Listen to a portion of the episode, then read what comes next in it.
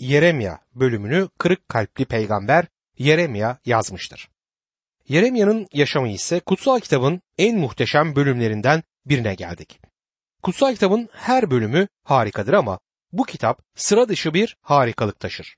Peygamberlerin çoğu kim olduklarını saklar ve tanınmak istemezler. Peygamberliklerinin yer aldığı sayfalarda kendilerini yansıtmazlar ama Yeremya büyük ölçüde otobiyografisi olan bir peygamberdir. Kendi kişisel yaşamının büyük bir kısmını bizlere kendisi anlatır. Onun hakkında bildiğimiz bilgiler listesine baktığımızda ki bu bölümde tanışacağımız adam hakkında biraz bilgi sahibi olmamız gerekir. Çok önemli ayrıntılara ulaşırız.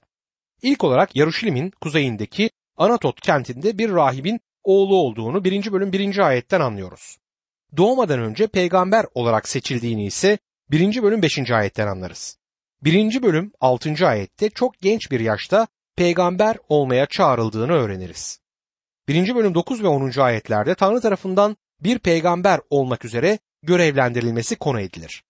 Hizmetine Kral Yoşiya'nın egemenliği sırasında başladığı ve onun cenazesinde ağıt yazdığı ise 2. tarihler 35. bölüm 25.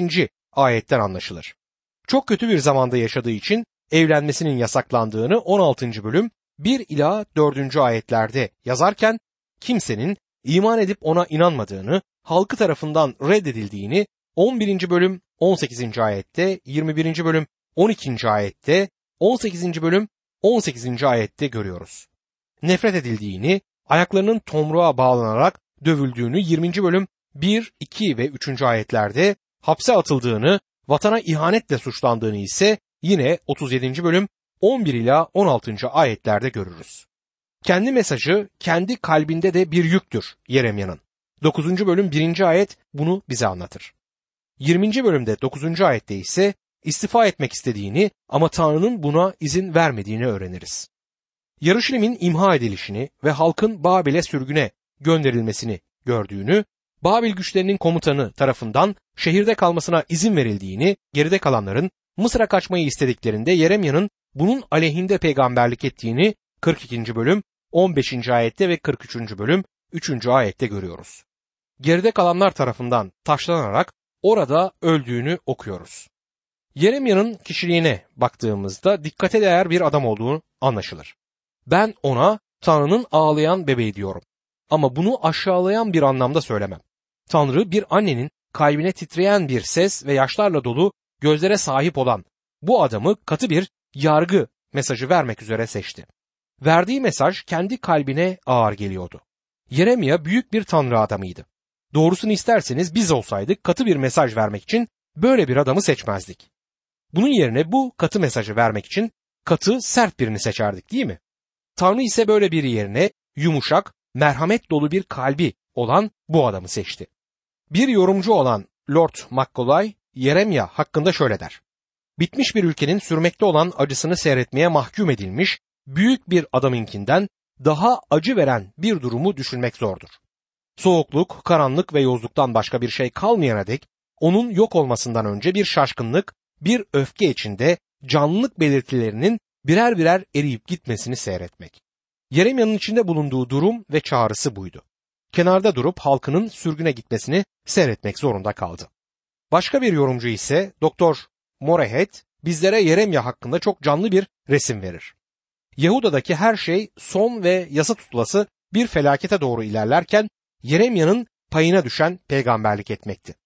Politik heyecan doruktaydı. En kötü tutkular çeşitli tarafları değişik yönlere çekmekteydi ve en ölümcül danışmanlıklar veriliyordu. Ulusunun gözleri kararmış bir biçimde yıkıma koştuğu, yolun ortasında durup onları durdurmaya çalışmak için kahramanca bir çabada bulunmak ve başarısızlığa uğramak, kenara çekilip bir kadının yumuşaklığıyla sevdiği halkının uçurumdan geniş ve kavran yıkıma, balıklama atlamalarını seyretmek onun payına düştü. Sizler ve ben büyük bir olasılıkla Yeremya'nın zamanına benzer bir zamanda yaşıyoruz. İnsanoğlu büyük şeyler başardı. Ay'a gitti. Atomu buldu. Atomu bulmakta kalmayıp atom bombaları yaptı. Tüm bu gelişmelere rağmen bizleri de parçalayıp yıkıma götürecek bir yoldayız. İçimiz aynı yozluklarla dolu.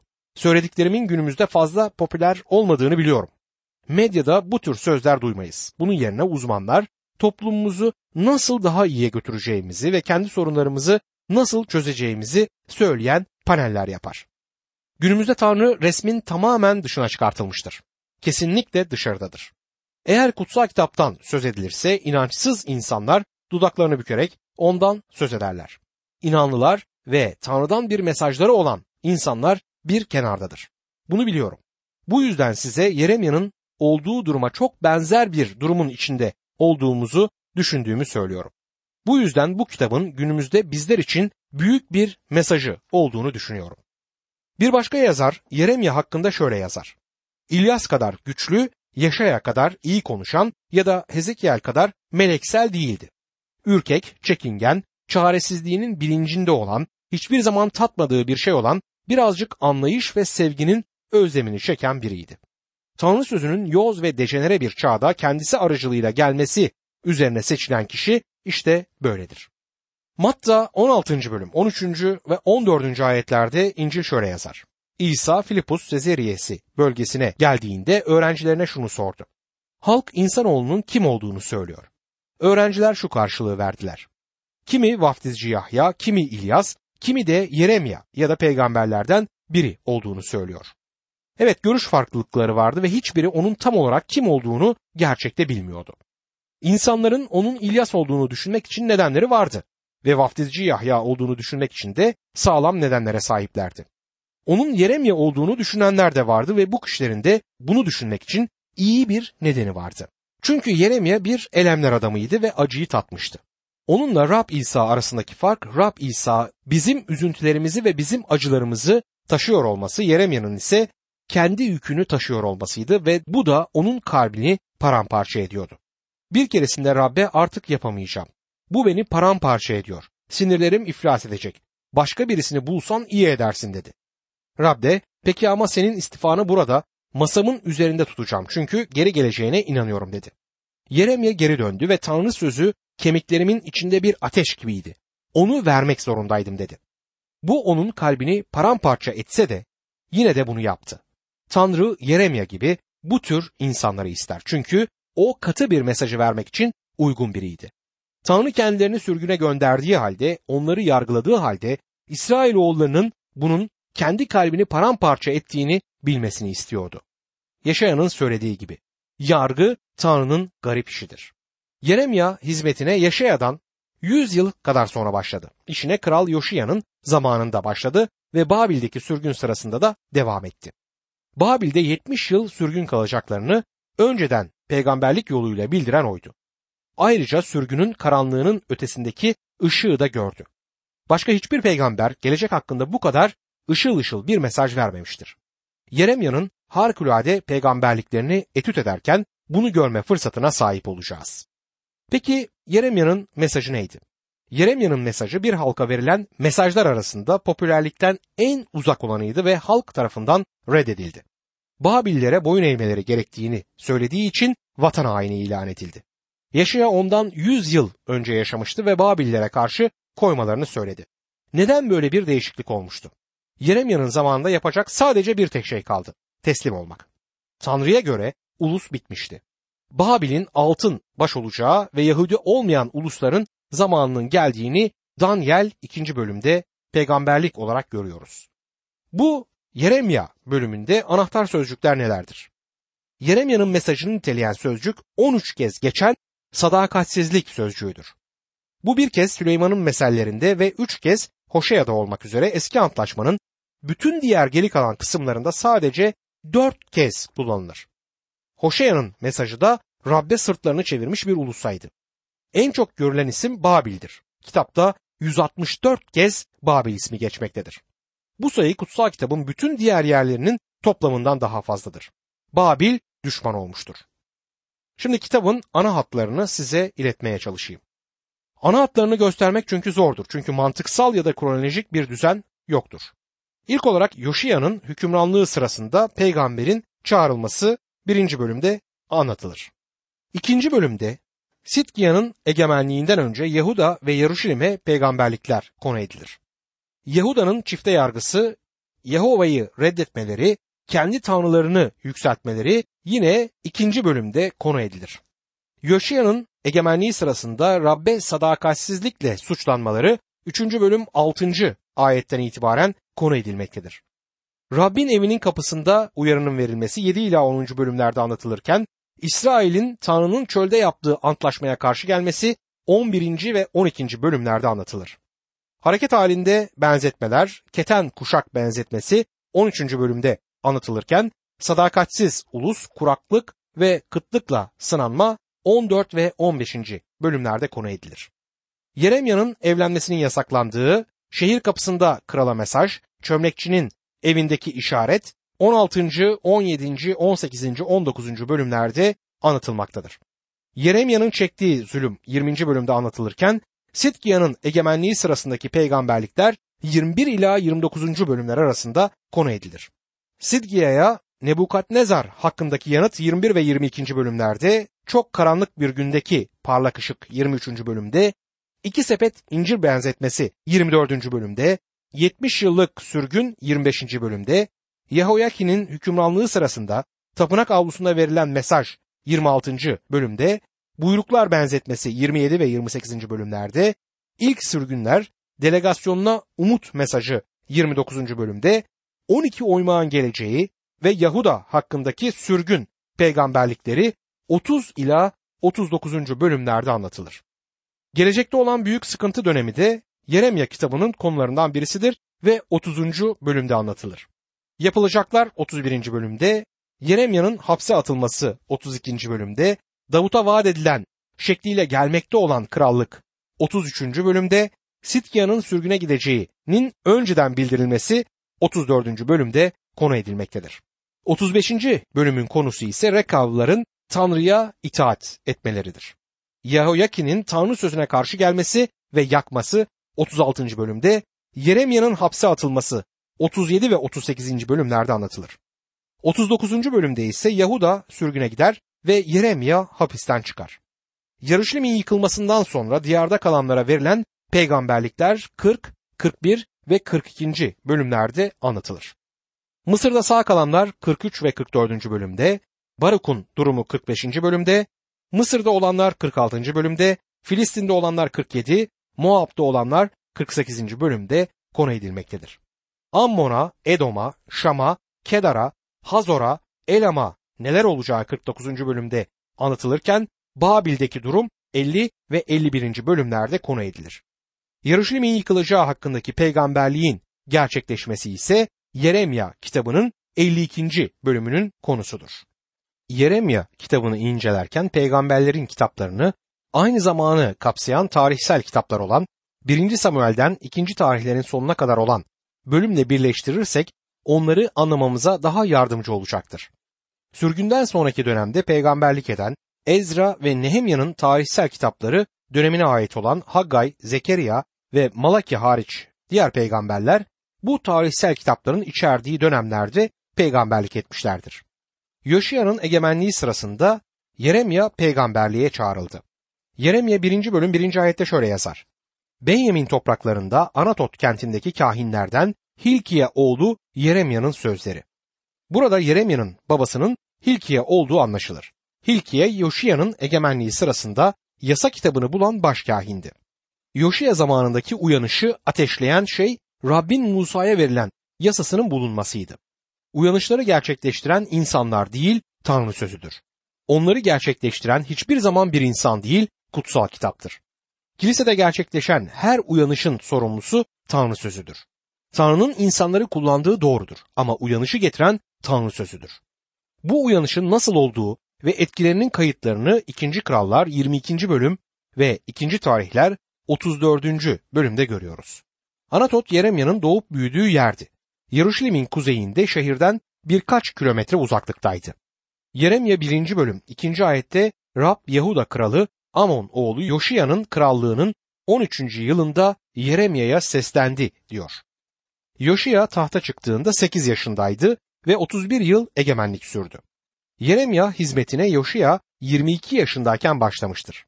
Belli ki Yeremya da 22 yaşlarındaydı. Bu yüzden ikisi de delikanlıydı ve büyük bir olasılıkla arkadaştılar. Yeremya Yoşiya'nın egemenliğinin 18 yılı boyunca peygamberlik etti ve onun cenazesinde de ağıt yaktı. İkinci tarihler 35. bölüm 25. ayette şöyle okuruz. Yeremya Yoşiya için bir ağıt yazdı. Kadın erkek bütün ozanlar bugüne dek ağıtlarında Yoşiya'yı anarlar. İsrail'de bir gelenek haline gelen bu ağıtlar Ağıtlar kitabında yazılıdır. Yoşiya çok akılsızca bir şey yapmıştı. Tanrı adamları bile bazen akılsızca davranabilirler. Firavun kendisine karşı savaşa çıkmadığı halde Karşemiş'te Mısır Firavun'una karşı savaşa hazırlandı. Bu nedenle Yaşıya Megiddo'daki Armageddon'da onunla savaşmaya gitmiş ve orada öldürülmüştü. Yeremya onun ölümünden ötürü ağıt yakıp yas tuttu çünkü Yoşiya iyi bir kraldı. Bu halka son uyanış Yoşiya'nın egemenliği sırasında gelmiştir ve bu büyük bir uyanıştı. Yoşiya'nın ölümünden sonra Yeremya ulusun Babil'deki sürgünden sonraya kadar içinden çıkamayacağı bir geceyi yaşayacağını görebiliyordu. Yeremya 1. bölüm 3. ayette Rabbin Yeremya'ya seslenişi Yahuda kralı Yoşiya oğlu Yehoyakim'in döneminden Yahuda kralı Yoşiya oğlu Sidgiya'nın krallığının 11. yılının 5. ayına dek yani Yarışilim halkının sürgüne gönderilmesine dek sürdü diye yazar. Bu ve bundan önceki ayet bizlere Yeremya'nın tam olarak ne zaman çağrıldığı hakkında bilgi vermektedir. Yoşiya'nın egemenliğinin 13. yılından Yarışilim'in sürgüne gönderildiği güne dek. Yahuda sürgüne gittiğinde Nebukadnezer'in Yeremya'nın diyarda kalmasına izin verdiğini biliyoruz. Yeremya 39. bölüm 11. ayette Babil kralı Nebukadnezar muhafız birliği komutanı Nebuzaradan aracılığıyla Yeremya ile ilgili şu buyruğu verdi der.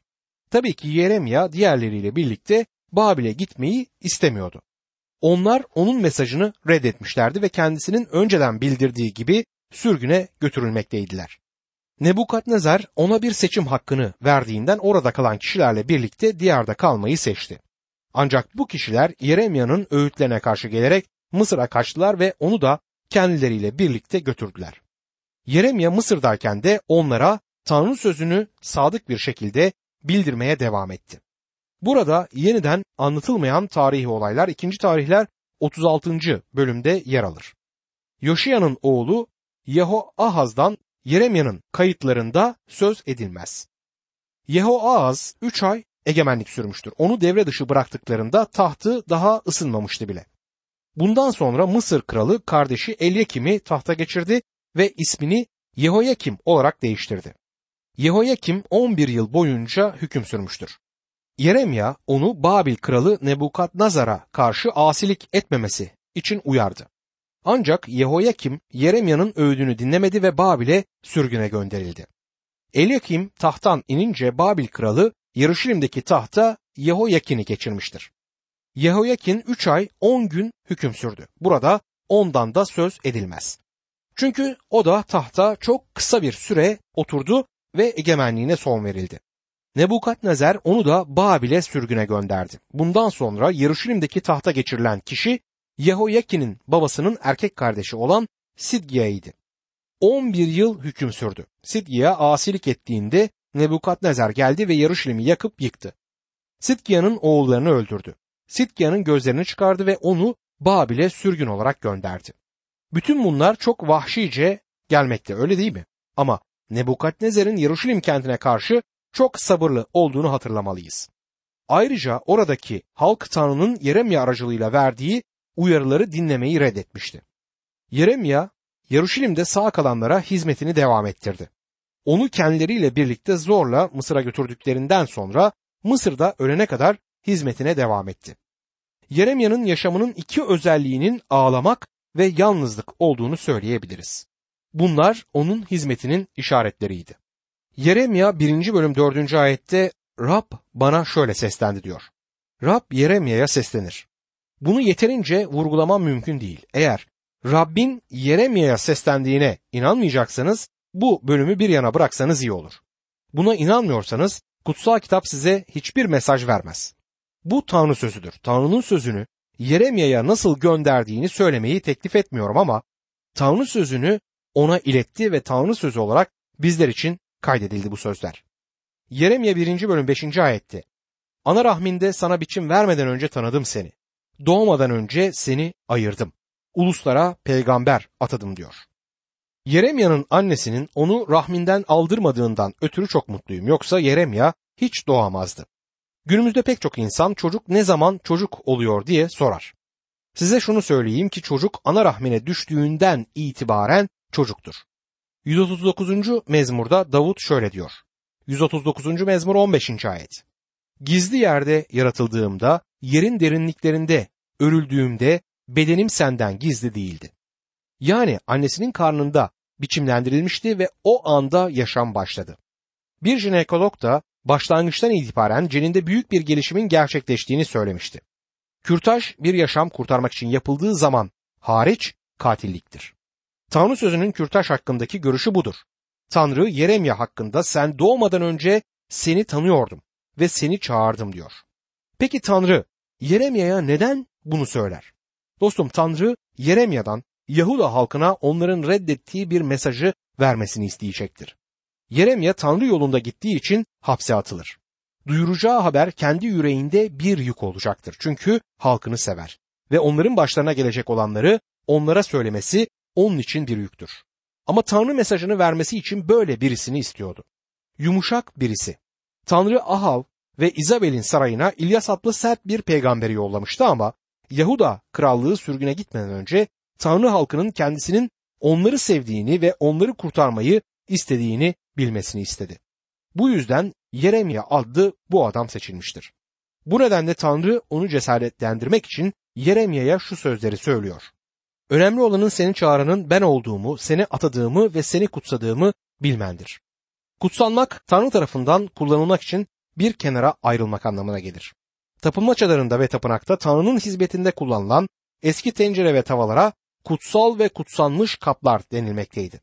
Yenilerinin alınmaları gerekiyormuş gibi gözüktükleri halde neden onlara kutsal denmekteydi? Çünkü bunlar Tanrı için kullanılan malzemelerdi. Tanrı'nın kullanımı için bir kenara konulan her şey kutsalmıştır. Tanrı Yeremya sen doğmadan önce seni kendi kullanımım için bir kenara ayırdım. Bu yüzden mesajının etkisinin ne olacağından endişelenme sadece mesajımı ilet diyor. Aslında Tanrı benden de aynı şeyi ister. Bu mesajları hazırlarken kendimi çok rahatsız hissediyorum. Hiçbir ödün vermeden Tanrı sözünü olduğu gibi aktarmaya çalışırım. Bu benim sorumluluğumdur. Bunu sevgiyle söylüyorum. Ben size karşı sorumlu değilim. Tanrı'ya karşı sorumluyum ve raporlarımı da ona veririm. Söylediğim sözler sizi hoşnut etmiyorsa buna üzüldüm. Özür dilerim. Keşke etseydi. Bir vaiz olarak insanlar sık sık bana gelip biliyor musunuz insanlar sizi ne kadar çok seviyor der. Ama biliyor musunuz ki her kilisede bir grup muhalif, her zaman dürüst olmayan, huysuz, sorunlar çıkartan kişiler var. Ancak eğer Tanrı sözünü veriyorsanız Tanrı'ya karşı sorumlu olduğunuzu bilmeniz lazım. Ve o hizmet için sizi bir kenara ayırmıştır. Tanrı seni uluslara bir peygamber olarak atadım diyerek sözlerine devam eder. Bu Yeremya'ya otorite vermiştir. Ona birçok karanlık günde kendisine yardımcı olacak bir cesaret verir.